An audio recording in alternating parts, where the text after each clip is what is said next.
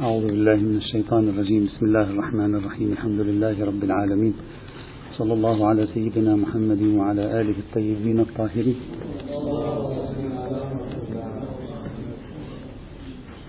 وصلنا للحديث عن شيخ المقاصديين وإمامهم كما هو معروف الشاطبي. اليوم سوف نتكلم عن شخص الشاطبي عن الفضاء الذي كان محيطا بالشاطبي عن تجربة الشاطبي الشخصية مع محيطه وعن سنعرف أيضا باختصار بأهم كتابين للشاطبي لننتقل للحديث عن أصل نظريته إن شاء الله تعالى. أبو إسحاق إبراهيم بن موسى بن محمد اللخمي الغرناطي المعروف بالشاطبي المتوفى 790 للهجرة. الشاطبي أحد مشاهير علماء المالكية في بلاد الأندلس. نقول له الشاطبي نسبة إلى شاطبة. شاطبة منطقة في أقصى شرق الأندلس. في ذلك تلك الأيام. شاطبة منطقة في تقع في أقصى شرق الأندلس. أسرته كانت من تلك من تلك المنطقة. ثم بعد دخول الأوروبيين النصارى المسيحيين في الحروب التي وقعت في الأندلس قبل سقوط الأندلس بعد دخولهم إلى تلك المناطق هاجر أهله باتجاه جنوب غرب ما يسمى بشبه الجزيرة الأيبيرية التي تشمل البرتغال وأسبانيا اليوم. هاجروا إلى منطقة غرناطة غرناطة المدينة المعروفة التي تقع في أقصى الجنوب الإسباني اليوم. لا نعرف بالضبط هل ولد هو في غرناطة أو ولد في شاطبة ليس معروفا لا نعرف. بعضهم يرجح أنه أصلا ولد في غرناطة أصلا لم يولد في شاطبة وإنما أصله وأسرته من منطقة شاطبة في أقصى الشرق. طبعا لابد لي أن أشير هنا حتى لا يقع التباس الإخوة يراجعون بعض الكتب أو يراجعون أحيانا بعض كتب التراجم يوجد اثنين شاطبي حتى لا تختلط عليك الأمور. اثنين يعرفان بالإمام الشاطبي. الأول أبو إسحاق الشاطبي الذي نتكلم عنه هنا المتوفى 790 للهجرة. والثاني إمام القراء المعروف باسم القاسم بن فيرة بن خلف. القاسم بن فيرة بن خلف أحد أئمة القراء المتوفى سنة 590 للهجرة في القاهرة. قبل الشاطبي هذا ب 300 عام أقول 300 عام بالضبط تقريبا. فلا ينبغي الخلط بينهما. إمام القراء الشاطبي المتوفى 590 للهجرة في القاهرة شخص مختلف عن أبو إسحاق الشاطبي إمام المقاصديين المتوفى 790 للهجرة. هذان اثنان وليسا بشخص واحد. المعروف عن الشاطبي أنه لم يخرج من غرناطة مثلا لم يسافر بقي كل عمره في هذه المدينة. ولعل السبب في ذلك أن غرناطة في ذلك الزمان كانت تعد من العواصم العلمية لبلاد الأندلس. الغرناطة في الفترة الأخيرة من عمر المسلمين في بلاد الأندلس كانت هي العاصمة الأقوى خاصة بعد أن حكمها بنو الأحمر الذين كان لهم سلطة وسطوة ونفوذ قبل أن تنتهي الدولة الإسلامية في بلاد الأندلس بعد تقريبا قرن من وفاة الشاطبي نفسه. فغرناطة هي بالأصل شبه عاصمة علمية لتلك البلدان. كان يحج إليها طلاب العلم. كان أيضا يزورها العلماء. فربما لذلك لم يجد حاجة في أن يسافر أو يخرج أو يذهب إلى مكان ما. ربما نقول لا ليس بيدنا دليل لماذا لم يخرج الشاطبي. خاصة وأن الشاطبي ليس من من علماء الحديث بالمعنى الكلاسيكي للكلمة حتى لأن علماء الحديث عادة هم أولئك الذين يفضلون السفر. الشاطبي ميوله تحليلية كما سوف نرى ربما لم يجد حاجة لأن يسافر ويذهب ويتلمذ ويأخذ حديث من هنا أو يأخذ شيئا من هنا. ربما أقول لا ندري. لكن على أي حال القيمة السياسية لغرناطة والقيمة العلمية لغرناطة في بلاد الأندلس في القرن الثامن الهجري لعلها تكون أحد الأسباب التي دفعت الشاطبي للبقاء في غرناطة. لم يجد حاجة ربما. بالسفر عن غرناطة وتركها. لكن عندما نقول غرناطة كانت مزدهرة علميا لا نقصد غرناطة مزدهرة علميا بالمعنى الذي كانت فيه بلاد الأندلس قبل بضعة مئات من السنين مزدهرة علميا. لا. يعني نحن نتكلم اليوم عن ازدهار نسبي. المسلمون في هذه الفترة كانت كل مدنهم العلمية التي تصنف مزدهرة قد تراجعت. وازدهار المدن العلمية في الغرب الإسلامي أيضا قد تراجع. فعندما نقول مزدهرة يعني مزدهرة بحسابات القرن الثامن الهجري لا مزدهرة بحسابات القرن الرابع والخامس الهجري. عليك أن تلتفت. فإن ازدهار المدن العلمية في القرون الثالث والرابع والخامس الهجرية مختلف تماما عن ما نقول ازدهار المدن العلمية عند المسلمين مثلا في القرن الثامن أو التاسع أو العاشر فيما بات يعرف بقرون الانحطاط أو عصر الانحطاط عند المسلمين الذي هو عبارة عن عصر الشروح والحواشي على الشروح وتلخيص الحواشي وشرح تلخيص الحاشية وتلخيص على شرح تلخيص الحاشية وهكذا. وكانوا يهتمون كثيرا بالتسجيعات هذا معروف في عصور الانحطاط تسجيعات الألفاظ تنميقات الكلمات. وأغلبه أصلا لا تجد سوى التكرار والتقليد عادة هذا ما يعرف عن عصر الانحطاط. تلك المناطق نعم. المناطق طبعا في آه الآن سأشير في دمج بين آه يعني شمال الغرب الإسلامي شمال الأبيض المتوسط وجنوبه يوجد تداخل كبير بين هاتين. يعني الأسر والعوائل متداخلة جدا. فأنت نعم. قبله قبله. قبل الشاطبي. بعضهم صنفه أن لديه إشارات حتى أن بعض الباحثين اعتبر أن ابن رشد أثر في الشاطبي في المقاصد ولكن يبدو لي أن هذا فيه مبالغة. ابن رشد قيمته الفقهية في مقدمة كتاب بداية المجتهد ونهاية المقتصد. أما نفس الكتاب ليس فيه إضافة فقهية مثل ابن خلدون. الآن إذا تقرأ تاريخ ابن خلدون ليس له قيمة مقدمة ابن خلدون لها قيمة فالمقدمة أهم من ذي المقدمة لكن هل أثر فعلا بهذا المعنى؟ أنا شخصيا لا أجد أن هناك شيئا ما لذلك لم أذكره. كنت أريد أن أذكر ابن رشد ولكن رأيت أنه لا يستحق أن نذكر كثير يعني أسماء ليست ذات مفصل. بداية المجتهد ونهاية المقتصد. طبعا غرناطة آخر المدن الإسلامية التي بقيت بيد المسلمين. عندما سقطت الأندلس وخسرها المسلمون هي آخر المدن يعني كانت ومع الأسف الشديد. تعرفون آه، ملوك الطوائف في لا ندخل في هذا الموضوع لكن لا بأس بشيء من ملوك الطوائف في الأندلس مصطلح يطلق على التشرذم الإسلامي الذي عرفه عرفته بلاد الأندلس بحيث كان كل منطقة تحكمها جماعة وكان يتشاجرون فيما بينهم وكان هناك صراعات وحاكمية ذهنية ملوك الطوائف على بلاد الأندلس كانت أحد الأسباب الأساسية لزوال حكم المسلمين أصلا في بلاد الأندلس. في حين أن الممالك المسيحية أيضا كانت متعددة لكنها في الحرب مع المسلمين في كثير من الأحيان كانت تتحالف لتشن حربا على المسلمين. بينما المسلمون كانوا منشغ... بينما المسلمون كانوا منشغلين بتنازعاتهم وصراعاتهم الداخلية وبالتالي فقدوا شبه الجزيرة الأيبيرية إلى يومنا هذا. مع الأسف غرناطة آخر معاقل المسلمين تقريبا. خروج المسلمين من غرناطة مسجل مدون على لائحة الآن في في في جنوب الأندلس. هذه آخر منطقة بقي فيها موجود لوحة موجودة يمكنك أن تقرأ عنها في التاريخ. هذه آخر المناطق التي كانت عند المسلمين وخرجوا منها بتاريخ كذا وكذا وكذا وكذا. على أي حال. هذا نتيجة الخلافات الداخلية بين المسلمين والصراعات الداخلية. طبعا وعدة مرات كان هناك صراعات بين المسيحيين والمسلمين في الأندلس وعدة مرات كانوا هم يتقدمون والمسلمون يتقدمون.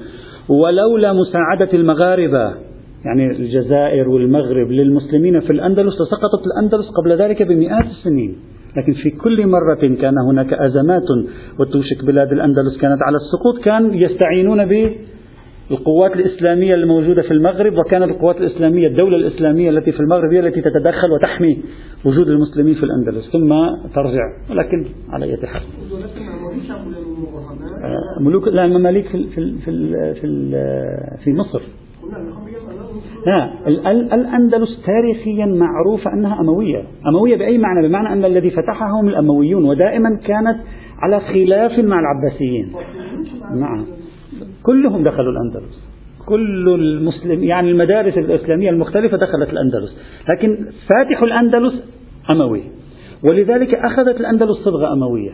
لكن الأندلس فيها تاريخ شيعي أيضا فيها تاريخ شيعي معروف وقوي جدا. وهناك أصلا مصنفات كتبت في الشعر الشيعي في الأندلسي. وهناك كتابات كثيرة في هذا الموضوع.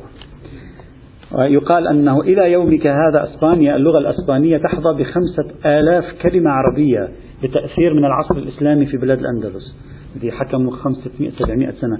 خمسة آلاف كلمة عربية ما تزال الآن موجودة في حتى بعضهم يحلل ويقول مدينة مدريد العاصمة هي بالأصل كلمة عربية آه، وأنها ليس المدريدية لا وإنما هي مجرى هي أصل الكلمة مجرى ولكن الجيم قلبت إلى داء بعضهم يحلل تحليلات كثيرة؟ لا نريد أن ندخل فيها. إذا هذا المنطقة التي آه، ظهر فيها الشاطبي ظروف سياسية مأساوية بالنسبة للمسلمين في القرن الثامن الهجري الاضطرابات دائما كانت موجودة صراعات سياسية صراعات عسكرية بين المسلمين مع الأوروبيين. هذا الفضاء السياسي الذي عاش فيه الشاطبي أما الفضاء الثقافي الفضاء الثقافي الذي كان في الأندلس في عصر الشاطبي هو فضاء التقليد العصبية التبعية وعدم وجود أي اجتهاد أو تجديد. هذا هو الفضاء الحاكم أصلا كان على بلاد الأندلس في القرن الثامن الهجري العصر الذي عاش فيه الشاطبي في تلك الفترة. هو الشاطبي بنفسه سأكتفي هنا بأن أستنطق الشاطبي وأسأله كيف ترى الأوضاع الثقافية في زمانه هو يجيبنا. يعني هو الشاطبي لشدة ما عانى من الأوضاع الثقافية الدينية في زمانه هو يخبرنا ما هي الأوضاع الثقافية. لذلك لن أذهب إلى مصادر أخرى لأنني لا أبحث في الأوضاع الثقافية. سأذهب إلى نص الشاطبي سيخبرني عن الأوضاع الثقافية في زمانه سيخبرني عن الأوضاع الاجتماعية في زمانه سيخبرني عن معاناته مع خصومه. وهذا سيساعدنا في تحليل الدور الذي لعبه الشاطبي وهو يؤسس نظرية المقاصد. الشاطبي يقول في أكثر شيء في كتاب الإعتصام يقول وهو يتحدث عن الطوائف التي يعني تتبع الهوى وتتبع التقليد وتتبع التبعية وليس عندها إبداع وإنما عندها اتباع. يقول رأي المقلدة لمذهب إمام. يقول هذه جماعة عملها تقليد مذهب إمام من الأئمة. يزعمون أن إمامهم هو الشريعة. إمامهم هو الدين. بحيث يأنفون. الآن أنت طبعا تسمع هذا النص وتطبقه على زمانك. فيك تطبقه على زمانك أن هذا نص عابر للأزمنة في بعض الأحيان. بحيث يأنفون أن تنسب إلى أحد من العلماء فضيلة دون إمامهم. يعني إذا بتقول هذا فلان كان عالم رياضيات لازم يسوي إمامه من كان عالم رياضيات إذا فلان كان والله يرفع أثقال هم إمامهم كان أيضا يريد ينسب له مثلا أنه كان قوي البنية مثلا. إمامهم يعني مرجعهم فقيههم من يرجع آه، تقليدهم إليه. حتى إذا جاءهم من بلغ درجة الاجتهاد وتكلم في المسائل ولم يرتبط إلى إمامهم يعني لم يكن تابعا لإمامهم رموه بالنكير الاستغراب نستنكر ذلك منك. وفوقوا إليه سهام النقد يعني وجهوا إليه سهام النقد. وعدوه من الخارجين عن الجادة والمفارقين للجماعة.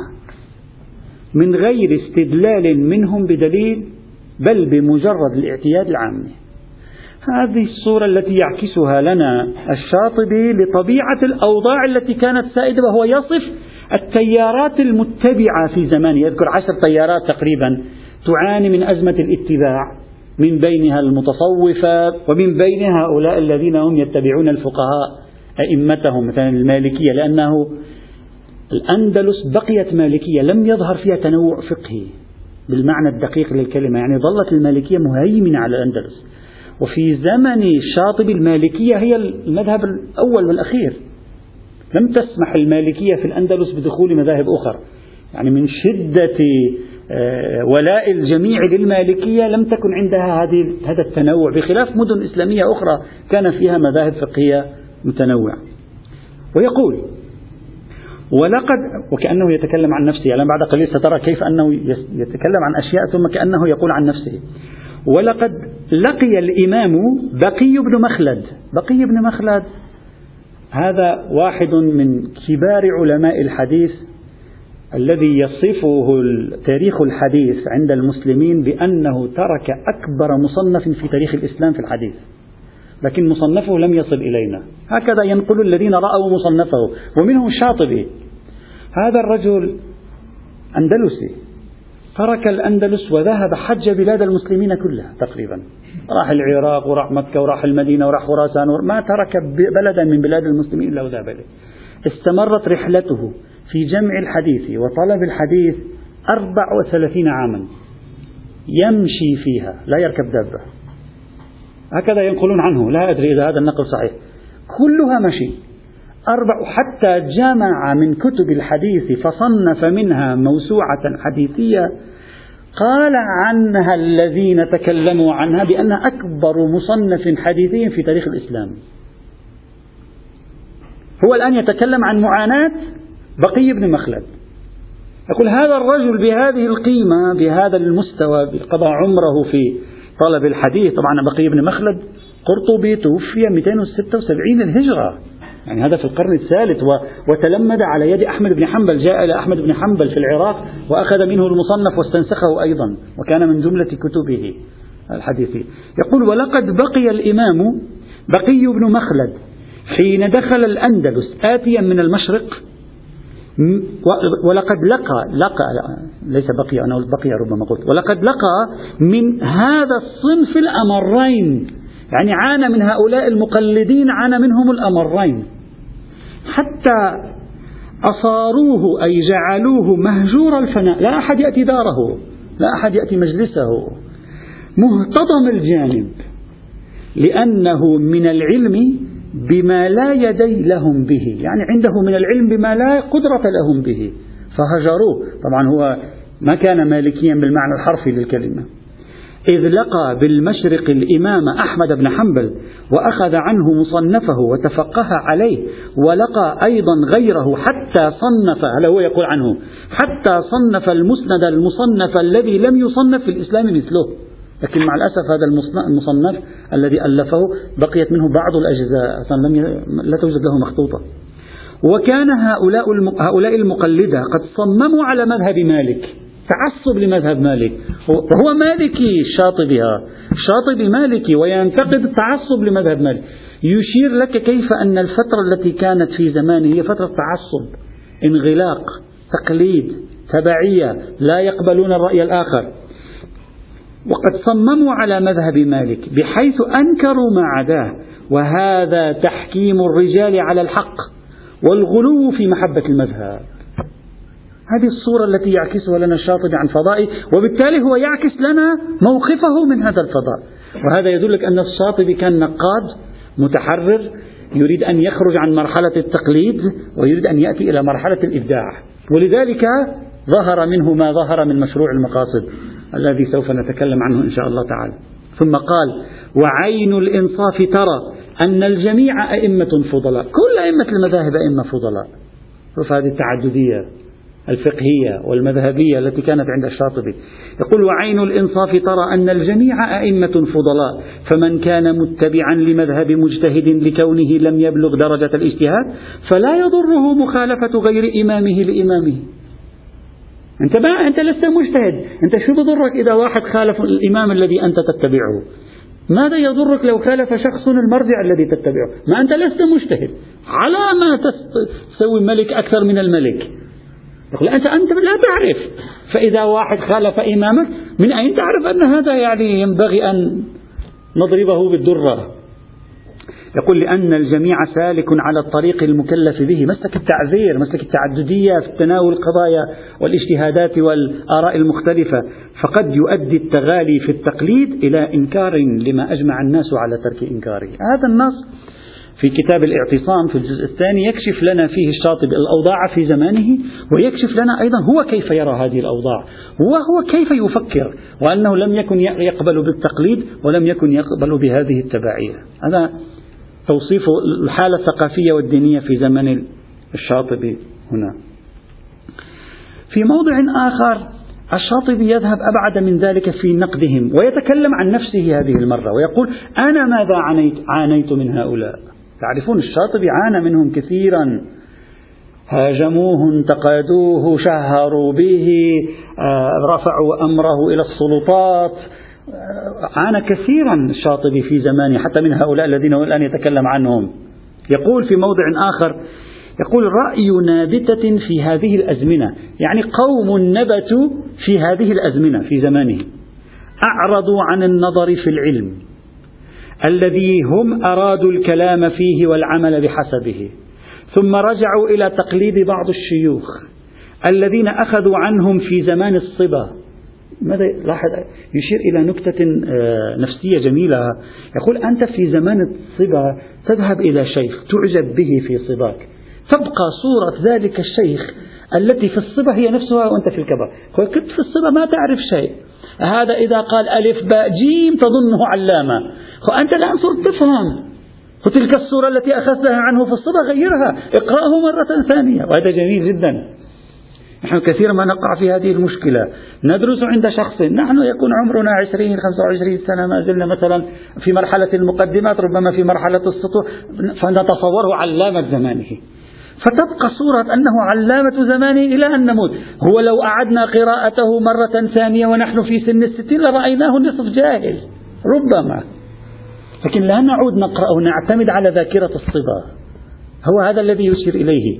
يقول ثم رجعوا إلى تقليد بعض الشيوخ الذين أخذوا عنهم في زمان الصبا الذي هو مظنة لعدم التثبت من الأخذ أو التغافل من المأخوذ منه. يعني في زمن الصبا إما أنت لا تأخذ بدقة ذهنك ضعيف أو لا تلتفت إلى الذي تأخذ منه أصلا لا تعرف أخطاءه. وهذه نكات ظريفة. طبعا الشاطبي عنده وعي اجتماعي رهيب. يعني هذه الجمل التي الآن يتكلم عنها كلها عبارة عن تجربة اجتماعية وتجربة تعلمية وتجربة ثقافية. ثم يقول ثم جعلوا أولئك الشيوخ في أعلى درجات الكمال ونسبوا إليهم ما نسبوا به من الخطأ أو فهموا عنهم على غير تثبت ولا سؤال. إلى أن يقول وردوا جميع ما نقل عن الأولين مما هو الحق والصواب. يعني التعصب لبعض المعاصرين لك لبعض من تلمذت على أيديهم يجعلك تنكر حتى ما قاله الأولون مما هو صواب.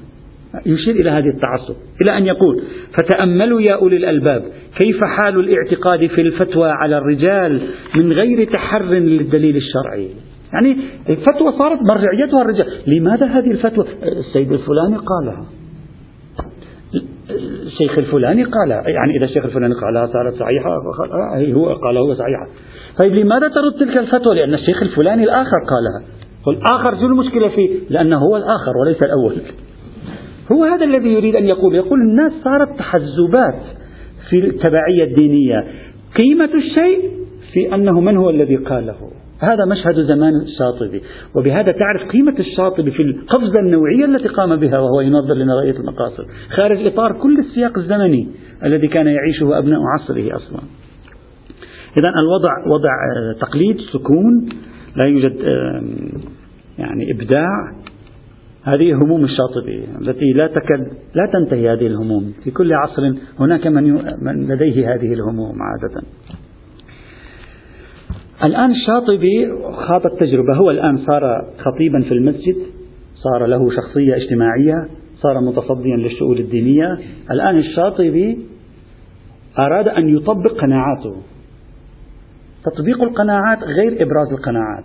تطبيق القناعات غير أن تبرز القناعات. دائما يقال إذا أردت أن تغير في المجتمع لا يكفي أن تقول الفكرة التي تغير. طبقها. مثلا سأعطي مثال. لا, لا نتحسس من الأمثلة. مثلا سأعطي مثال. لنفرض أنك في مجتمع سني. والمجتمع السني كله يتكتف في الصلاة. والفقه السني لا يقول التكتف واجب بل بعض مذاهب السنة وبعض فقهائهم لا يقول مستحب أصلا. هذا مستحب ليس مستحب. خلاص صار عادة. الآن في بلاد المغرب العربي رغم أن المالكية لا ترى التكتف لكن بسبب الغزو السلفي والتمدد السلفي الآن يتكتفون. هكذا فقط ما في شيء. هو على المالكية ليس تكتف ولكن خلاص الجو يعطي وضعا معين فيتكتف الإنسان. إذا أردت أن تغير لا يكفي تبقى مئة سنة تقول التكتف ليس واجبا وليس مستحبا. في نفس المسجد الذي تصلي فيه في ذلك المجتمع لا تتكتف. حجم التأثير سيكون أكبر لأنه سيخرق الحالة الاجتماعية. لن يخلق الأفكار الاجتماعية سيخلق السلوك أيضا. الشاطبي هكذا فعل. بعض الأشياء ما كان يقتنع بها. مثلا الشاطبي كان يقول الدعاء للخلفاء الراشدين. الآن سنرى العبارة. الدعاء للخلفاء الأربعة في صلاة الجمعة بدعة. هذا ما منين جبتوا لنا لا لا. الدعاء للسلطان بدعة. فهو خطيب هو إمام جمعة. فبدأ يقول بدون دعاء قامت الدنيا عليه. وبدأت عليه حملة لها أول وليس لها آخر. يعني الشاطبي لم يكتفي بأن يعطي أفكارا مختلفة. أراد أن يجعل من أفكاره المختلفة ساحة للتطبيق وميدان العمل. فاصطدم اصطدم مع من؟ اصطدم حتى مع بعض شيوخه وأساتذته كما سنرى الآن. لذلك يقول وكنت في أثناء ذلك قد دخلت في بعض خطط الجمهور من الخطابة والإمامة ونحوه. يعني أصبحت خطيبا أصبحت إماما. دخلت في السلك. يعني صرت جزء من السلك الديني الذي يتصدى للإمامة والجماعة والجمعة. فلما أردت الاستقامة على الطريق يعني أردت أن أطبق ما أقتنع به. وجدت نفسي غريبا في جمهور أهل الوقت. رأيت حالي غريب. شفت وحدي لوحدي؟ الكل تركوني. لكون خططهم يعني يعني أعرافهم وسلوكهم هذا معنى الخطط. يعني ما درجوا عليه قد غلبت عليها العوائد يعني العادات. يعني سلوكهم في إدارة الدين أغلبه عادات وليس اجتهادات. وأنا أريد أن أمارس اجتهادي. رأيت حالي اصطدمت بالعادات الدينية وبدوت غريبا. ودخلت على سننها الأصلية شوائب من المحدثات الزوائد. ولم يكن ذلك بدعا في الأزمنة المتقدمة. يعني ما يحصل في زماننا ليس من خواص زماننا في كل زمان. قبلنا حصل هذا. فكيف في زماننا هذا؟ كأنما يريد أن يقول زماننا أولى أن يحصل فيه ذلك. يعني زماننا أسوأ من زمان من تقدمنا. إلى أن يقول فتردد النظر. لاحظ هذه معاناة شخص يرى نفسه مصلحا. وقع في حيرة. ماذا أفعل يا أخي؟ ماذا أفعل أي؟ ماذا تفعل أيها الشاطبي؟ ماذا تفعل؟ إما أن أجاريهم. تمشي أموري. أو أن لا أجاريهم. فتردد النظر بين أن أتبع السنة على شرط مخالفة ما اعتاد الناس فلا بد من حصول النحو مما حصل لمخالفي العوائد. يعني سوف يواجهني بعض ما حصل ممن خالفوا العادات. لا سيما إذا ادعى أهلها أن ما هم عليه هو السنة إلا أن في ذلك العبء الثقيل ما فيه من الأجر الجزيل. يعني هذا العبء الثقيل الذي سأواجهه فيه أيضا أجر جزيل. تحيرت بين أن أتبع السنة وبين أن أتبعهم على شرط مخالفة السنة والسلف الصالح. فأدخل تحت ترجمة الضلال عائدا بالله من ذلك. إلا أني أوافق المعتاد وأعد من المؤالفين لا من المخالفين. بيرضوا عني الجماعة. شو سوي فرأيت أن الهلاك في اتباع السنة هو النجاة. هذا موقف يعني هذا مواقف تاريخية للإنسان تكون في حياته. هذه مواقف تاريخية للإنسان. في ناس يرضون بالمهادنة والمداراة المبالغ بها ويتصور أنه يتفلسف في الموضوع وفي ناس لا يقرر من الأول. يقول رأيت أن الهلاك في اتباع السنة هو النجاة وأن الناس لن يغنوا عني من الله شيئا. فأخذت في ذلك على حكم التدريج شوف يقول اتبعت المراحلية. يعني أنا ما اصطدمت بهم دفعة واحدة. شوي شوي شوي شوي. فقامت علي القيامة. يقول فقامت علي القيامة وتواترت علي الملامة وفوق إلي العتاب سهامة ونسبت إلى البدعة والضلالة وأنزلت منزلة أهل الغباوة والجهالة. هذا فعل. وإني لو التمست لتلك المحدثات مخرجا لوجدت يعني لو أردت أن كفقيه طلع لها مخرج لوجدت مخرج لبدعهم.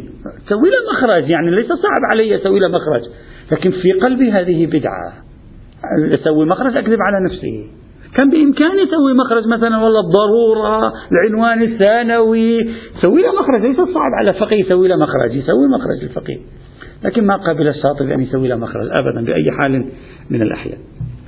فتارة نسبت إلى القول بأن الدعاء لا ينفع ولا فائدة فيه. لماذا نسب إلى ذلك؟ الشاطبي كان يقول الدعاء جماعة بعد الصلاة بدعة. يعني مثل ما حنسوي حنسوي هكذا. ندعو مثلا بعد الصلاة مثلا معا مثلا إلهي وكذا كذا جماعة. يقول هذه بدعة. لا ليست. لم يرد فيها شيء. لأن الشاطبي كما سنقول وقلنا سابقا متشدد في أمر البدعة. جدا متشدد في أمر البدعة. فلم يفعلها. ما قبل أن يدعي مع الناس بعد الصلاة؟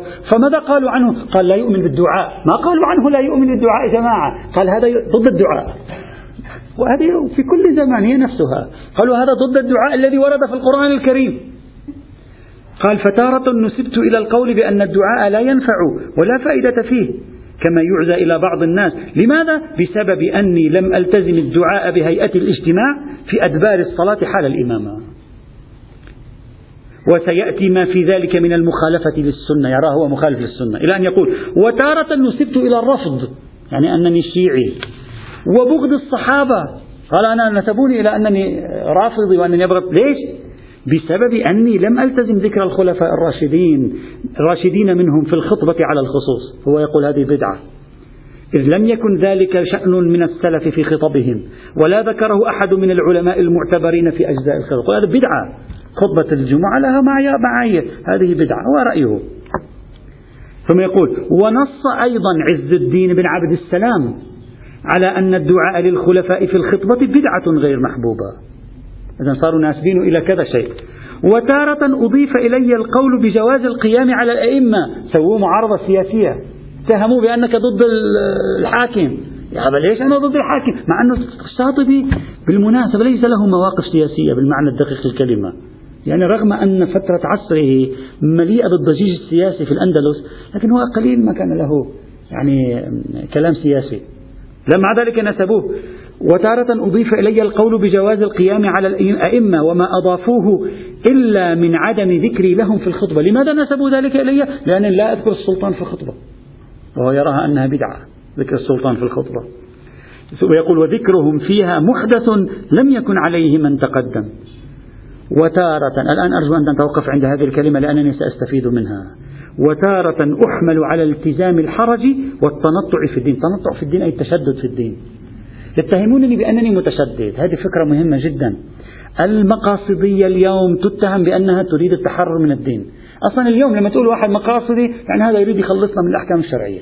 بينما طالما كانت المقاصدية تشدد أصلا في الدين يعني ترجمتها كانت أن المقاصدين جدا محافظين على الدين خلاف التصور السائد. هلأ بعض الناس المتأخرين أرادوا أن يستغلوا المقاصدية لكي يفروا من الأحكام الشرعية. هذا على خلاف سيرة المقاصديين. بالعكس. لاحظ هو يقول اتهموني بأنني متشدد أوقع الناس في الحرج. لماذا اتهموه بذلك؟ لأنه كان يرى أن المفتي لا ينبغي عليه أن يفتي ليسهل على الناس. هو يقول هذا باطل. الإفتاء بصدد التسهيل على الناس باطل.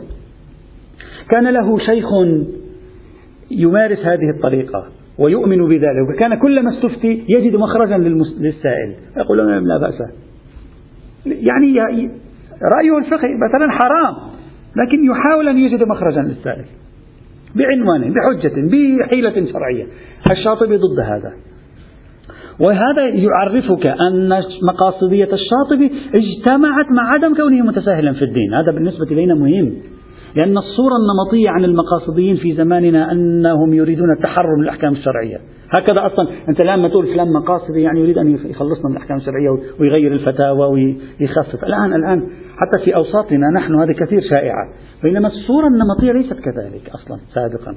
ذلك يقول وتارة أحمل على التزام الحرج والتنطع في الدين وإنما حملهم على ذلك أني التزمت في التكليف والفتية الحمل على مشهور المذهب الملتزم. لا أتعداه وهم يتعدونه ويفتون بما يسهل على السائل ويوافق هواه. وإن كان شاذا في المذهب إلى آخر قوله. وأيضا ينسبونه إلى معاداة التصوف وهو لا يعادي التصوف يقول أنا لا أعادي التصوف. هذه هي الصورة صورة الصراع والصدام بين الشاطبي وبين الأجواء الموجودة في زمانه. صراع مع الصوفية كان عنده صراع مع الفقهاء كان عنده صراع أيضا مع الفضاء الديني العام كان عنده. وفي ظل هذا الصراع خرج بنظرية المقام يعني هذا هو الفضاء الزمني الذي ينبغي علينا التعرف عليه. إذا طبعا أحد مشايخه وهو أبو سعيد بن لب التغلبي المتوفي سنة 782 كان معروفا وهو كان إمام المسجد الجامع في غرناطة ومفتي غرناطة كان مؤمنا بمذهب التسهيل في الفتوى وكان خصيما يعني كان مخاصما للشاطبي ويشن عليه أعنف الحملات لأن الشاطبي لم يكن يرضى بالتساهل في الدين والتلاعب بالدين والمتاجرة في الدين بطريقة بعض المفتين في زمانه. هذا هو فضاء الشاطبي الذي نتعرف عليه خاصة في كتاب الاعتصام كثير ما يتكلم عن أوضاعه الزمنية. ويبين لنا في هذا الكتاب وفي غيره من الكتب أن مقاصدية الشاطبي لم تكن بهدف تسهيل الدين.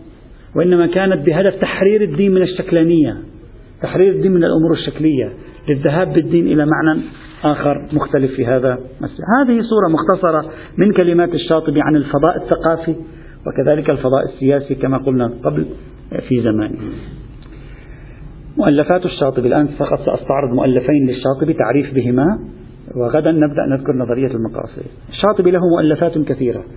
معروف الشاطبي هذه خليها تحت خط. بأنه متخصص مصنف في مجال اللغة العربية. هذا مهم جدا. لماذا هذا مهم؟ لأن طريقة الشاطبي في فهم النصوص لها نمطها الخاص الذي يعتمد كثيرا على الذوق العربي.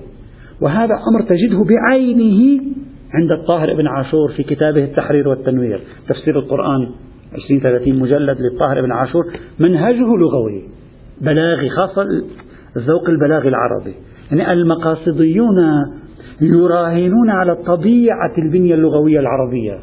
وأن البنية اللغوية العربية لا تشبه البنية اللغوية الفلسفية اليونانية وإنما هي في فسحة من أمرها أكثر وتطل بنا على أوسع من دائرة الجمود على الحرفيات هذا مهم. خلي في بالنا أن الشاطبي خبير باللغة العربية مصنف في النحو وله في الشعر أيضا. هذا واحد. لكن أهم كتابين للشاطبي على الإطلاق هما الكتاب الأول الموافقات. طبعا الموافقات هو الكتاب الذي وضع فيه الشاطبي نظرية المقاصد. كل شغلنا مع الشاطبي الآن تقريبا سيكون في هذا الكتاب. طبعا هذا الكتاب ليس اسمه الموافقات. هو معروف بالموافقات هو الشاطبي نفسه عندما يشير إليه يقول ذكرنا ذلك في الموافقات. ذكرنا ذلك في الموافقات. لكن الكتاب بحسب تسمية الشاطبي له اسمه الحقيقي عنوان التعريف بأسرار التكليف. هذا اسم الحقيقي للكتاب عنوان التعريف بأسرار التكليف هو يسميه. لكن بعد ذلك عندما يتكلم عنه في الموافقات وفي الاعتصام يقول كما ذكرنا في الموافقات وأشرنا لذلك في متقدم في الموافقات إلى آخره. فعرف الكتاب باسم كتاب الموافقات أكثر مما عرف باسمه الحقيقي الذي ذكره مصنفه في ذلك. هذا هو أشهر كتبه أهم كتبه أعمق كتبه أوسع كتبه تنظيرا على الإطلاق من حيث الكتب. هذا الكتاب طبعا أنا الآن سأتكلم فقط عن الكتاب هل نتكلم عن الأفكار؟ هذا الكتاب آه، مقسم بطريقة خاصة سوف أشرحها إن شاء الله لاحقا. فيه بعض الغموض. يعني في بعض الأحيان لا تفهم الفكرة. فيه بعض الغموض في التركيبة اللغوية وفيه بعض الغموض في قياس بعض الأفكار على بعض في الأبواب المختلفة. هذا الغموض تسبب في دخولهم في كيف يشرحون ويفهمون آراء الشاطبي في هذا الكتاب. أحيانا أحيانا ليس دائما ليس دائما. ولذلك طبعا هذا بالنسبة لغموضه هذا الكتاب الموافقات لم يهتموا به في زمن الشاطبي وما بعد زمن الشاطبي. فقط كتابين كتبا على كتاب الموافقات إلى أواخر القرن التاسع عشر.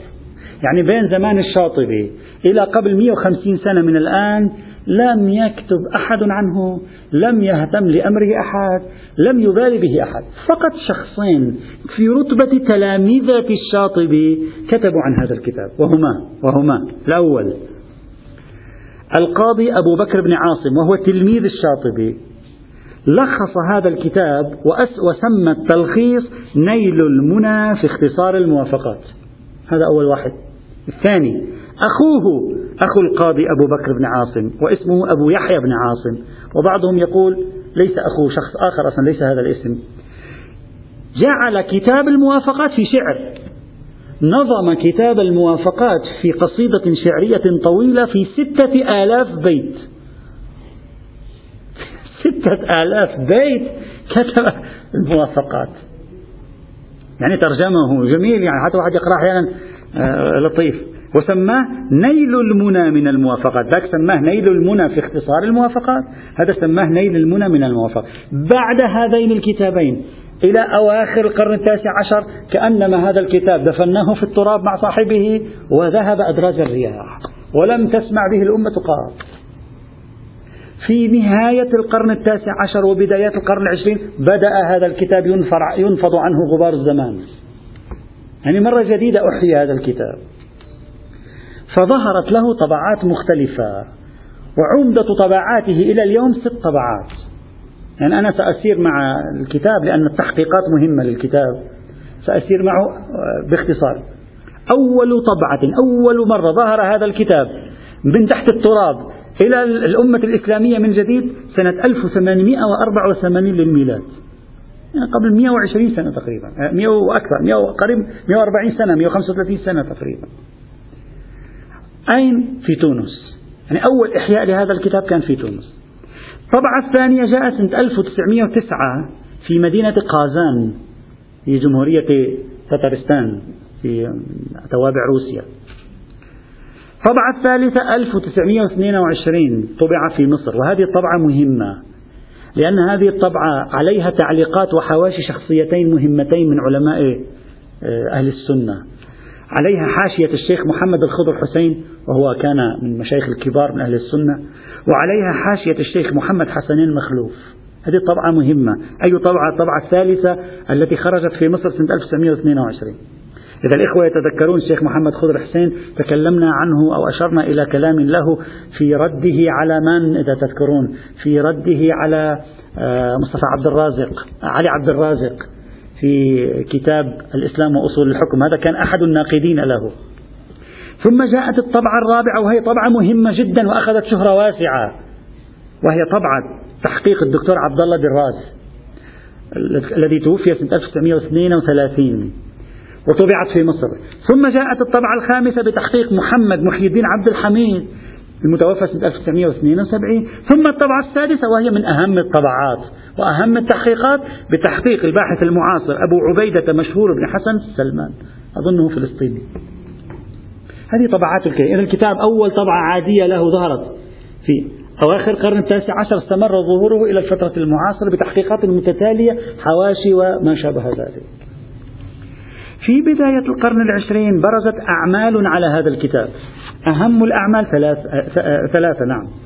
أولا كتاب المرافق على الموافق. المرافق على الموافق. اختصار لهذا الكتاب مع قصيدة يعني مع نظم شعري. كتبه مصطفى بن محمد فاضل بن, فاضل بن مامين. مصطفى بن محمد فاضل بن مامين المتوفى سنة 1910 للميلاد وطبع في تونس أوائل القرن العشرين. الكتاب الثاني توضيح المشكلات في اختصار الموافقات. كتبه محمد يحيى بن عمر المختار الشنقيطي. الشنقيطي كل هذه أسرة الشنقيطي من الأسر العلمائية العريقة في الإسلام. وهؤلاء من موريتانيا. نسبة إلى مدينة شنقيط في موريتانيا. توضيح المشكلات في اختصار الموافقات لمحمد يحيى بن عمر المختار الشنقيطي المتوفى سنة 1912 وآخر كتاب هو اختصار الموافقات. إبراهيم بن طاهر بن أسعد العظم المتوفى سنة 1957 هذا ببلوغرافيا الكتاب. الكتاب متى ظهر؟ ما كتب حوله في زمانه؟ اختفى عدة قرون ظهر أواخر القرن التاسع عشر كتب طبع ست طبعات مهمة تقريبا بعضها عليها حواش وتعليقات مهمة بعضها ليس فيه حواش وتعليقات مهمة كتب حول الكتاب اختصارات وشروحات ثلاثة أساسية. لا حول نظرية المقاصد حول الكتاب تكلم حول نظرية المقاصد بعدين سنرى. عندما نتكلم عن القرن العشرين من الذي ساهم في تطوير نظرية المقاصد معتمدا على فكرة المقاصد للشاطبي. هذا أول كتاب. الكتاب الثاني المهم جدا للشاطبي كتاب الاعتصام وهو كتاب مهم للغاية. ألفه الشاطبي بعد الموافقات يحيل عليه. وطبق فيه قواعده في الموافقات. يعني جاب كتاب الموافقات الأفكار النظريات الكليات في الموافقات طبقها في اجتهاده في كتاب الاعتصام. هذا الكتاب متخصص في في قضية البدعة. لا تجد أحدا يؤمن بالله واليوم الآخر. لا تجد أحدا كتب في بحث البدعة ويمكنه أن لا يرجع لهذا الكتاب. إلى يومك هذا سنة وشيعة. من أهم بل ربما أهم كتاب كتب في تاريخ الإسلام حول قضية البدعة بتفاصيلها وشروحاتها وتمييزاتها وتحقيقاتها وتطبيقاتها كتاب الاعتصام للشاطبي. وتأثر فيه كثيرون فيما بعد هذا الكتاب. موسع طبعا كتاب في جزئين كتاب في جزئين في مجلدين. حققه أحمد عبد الشافعي وهو يعد من المصادر الأساسية لمن يريد أن يبحث في فقه آه، البدعة في الإسلام. هذا أهم كتابين للشاطبي. الآن اليوم أعطينا بيبلوغرافيا حول الشاطبي عصر الشاطبي الفضاء الثقافي الذي عاش فيه الشاطبي رغبة الشاطبي في التمرد على التقليد والتبعية التي كانت في زمانه رغبته في التغيير والتحول لأجل تغيير الأوضاع التي كانت في زمانه أهم مصنفات الشاطبي وخصائص هذه المصنفات باختصار. غدا نشرع في تشريح نظرية الشاطبي ومساهمة الشاطبي في كتاب الموافقات بشكل أمضى والحمد لله رب العالمين.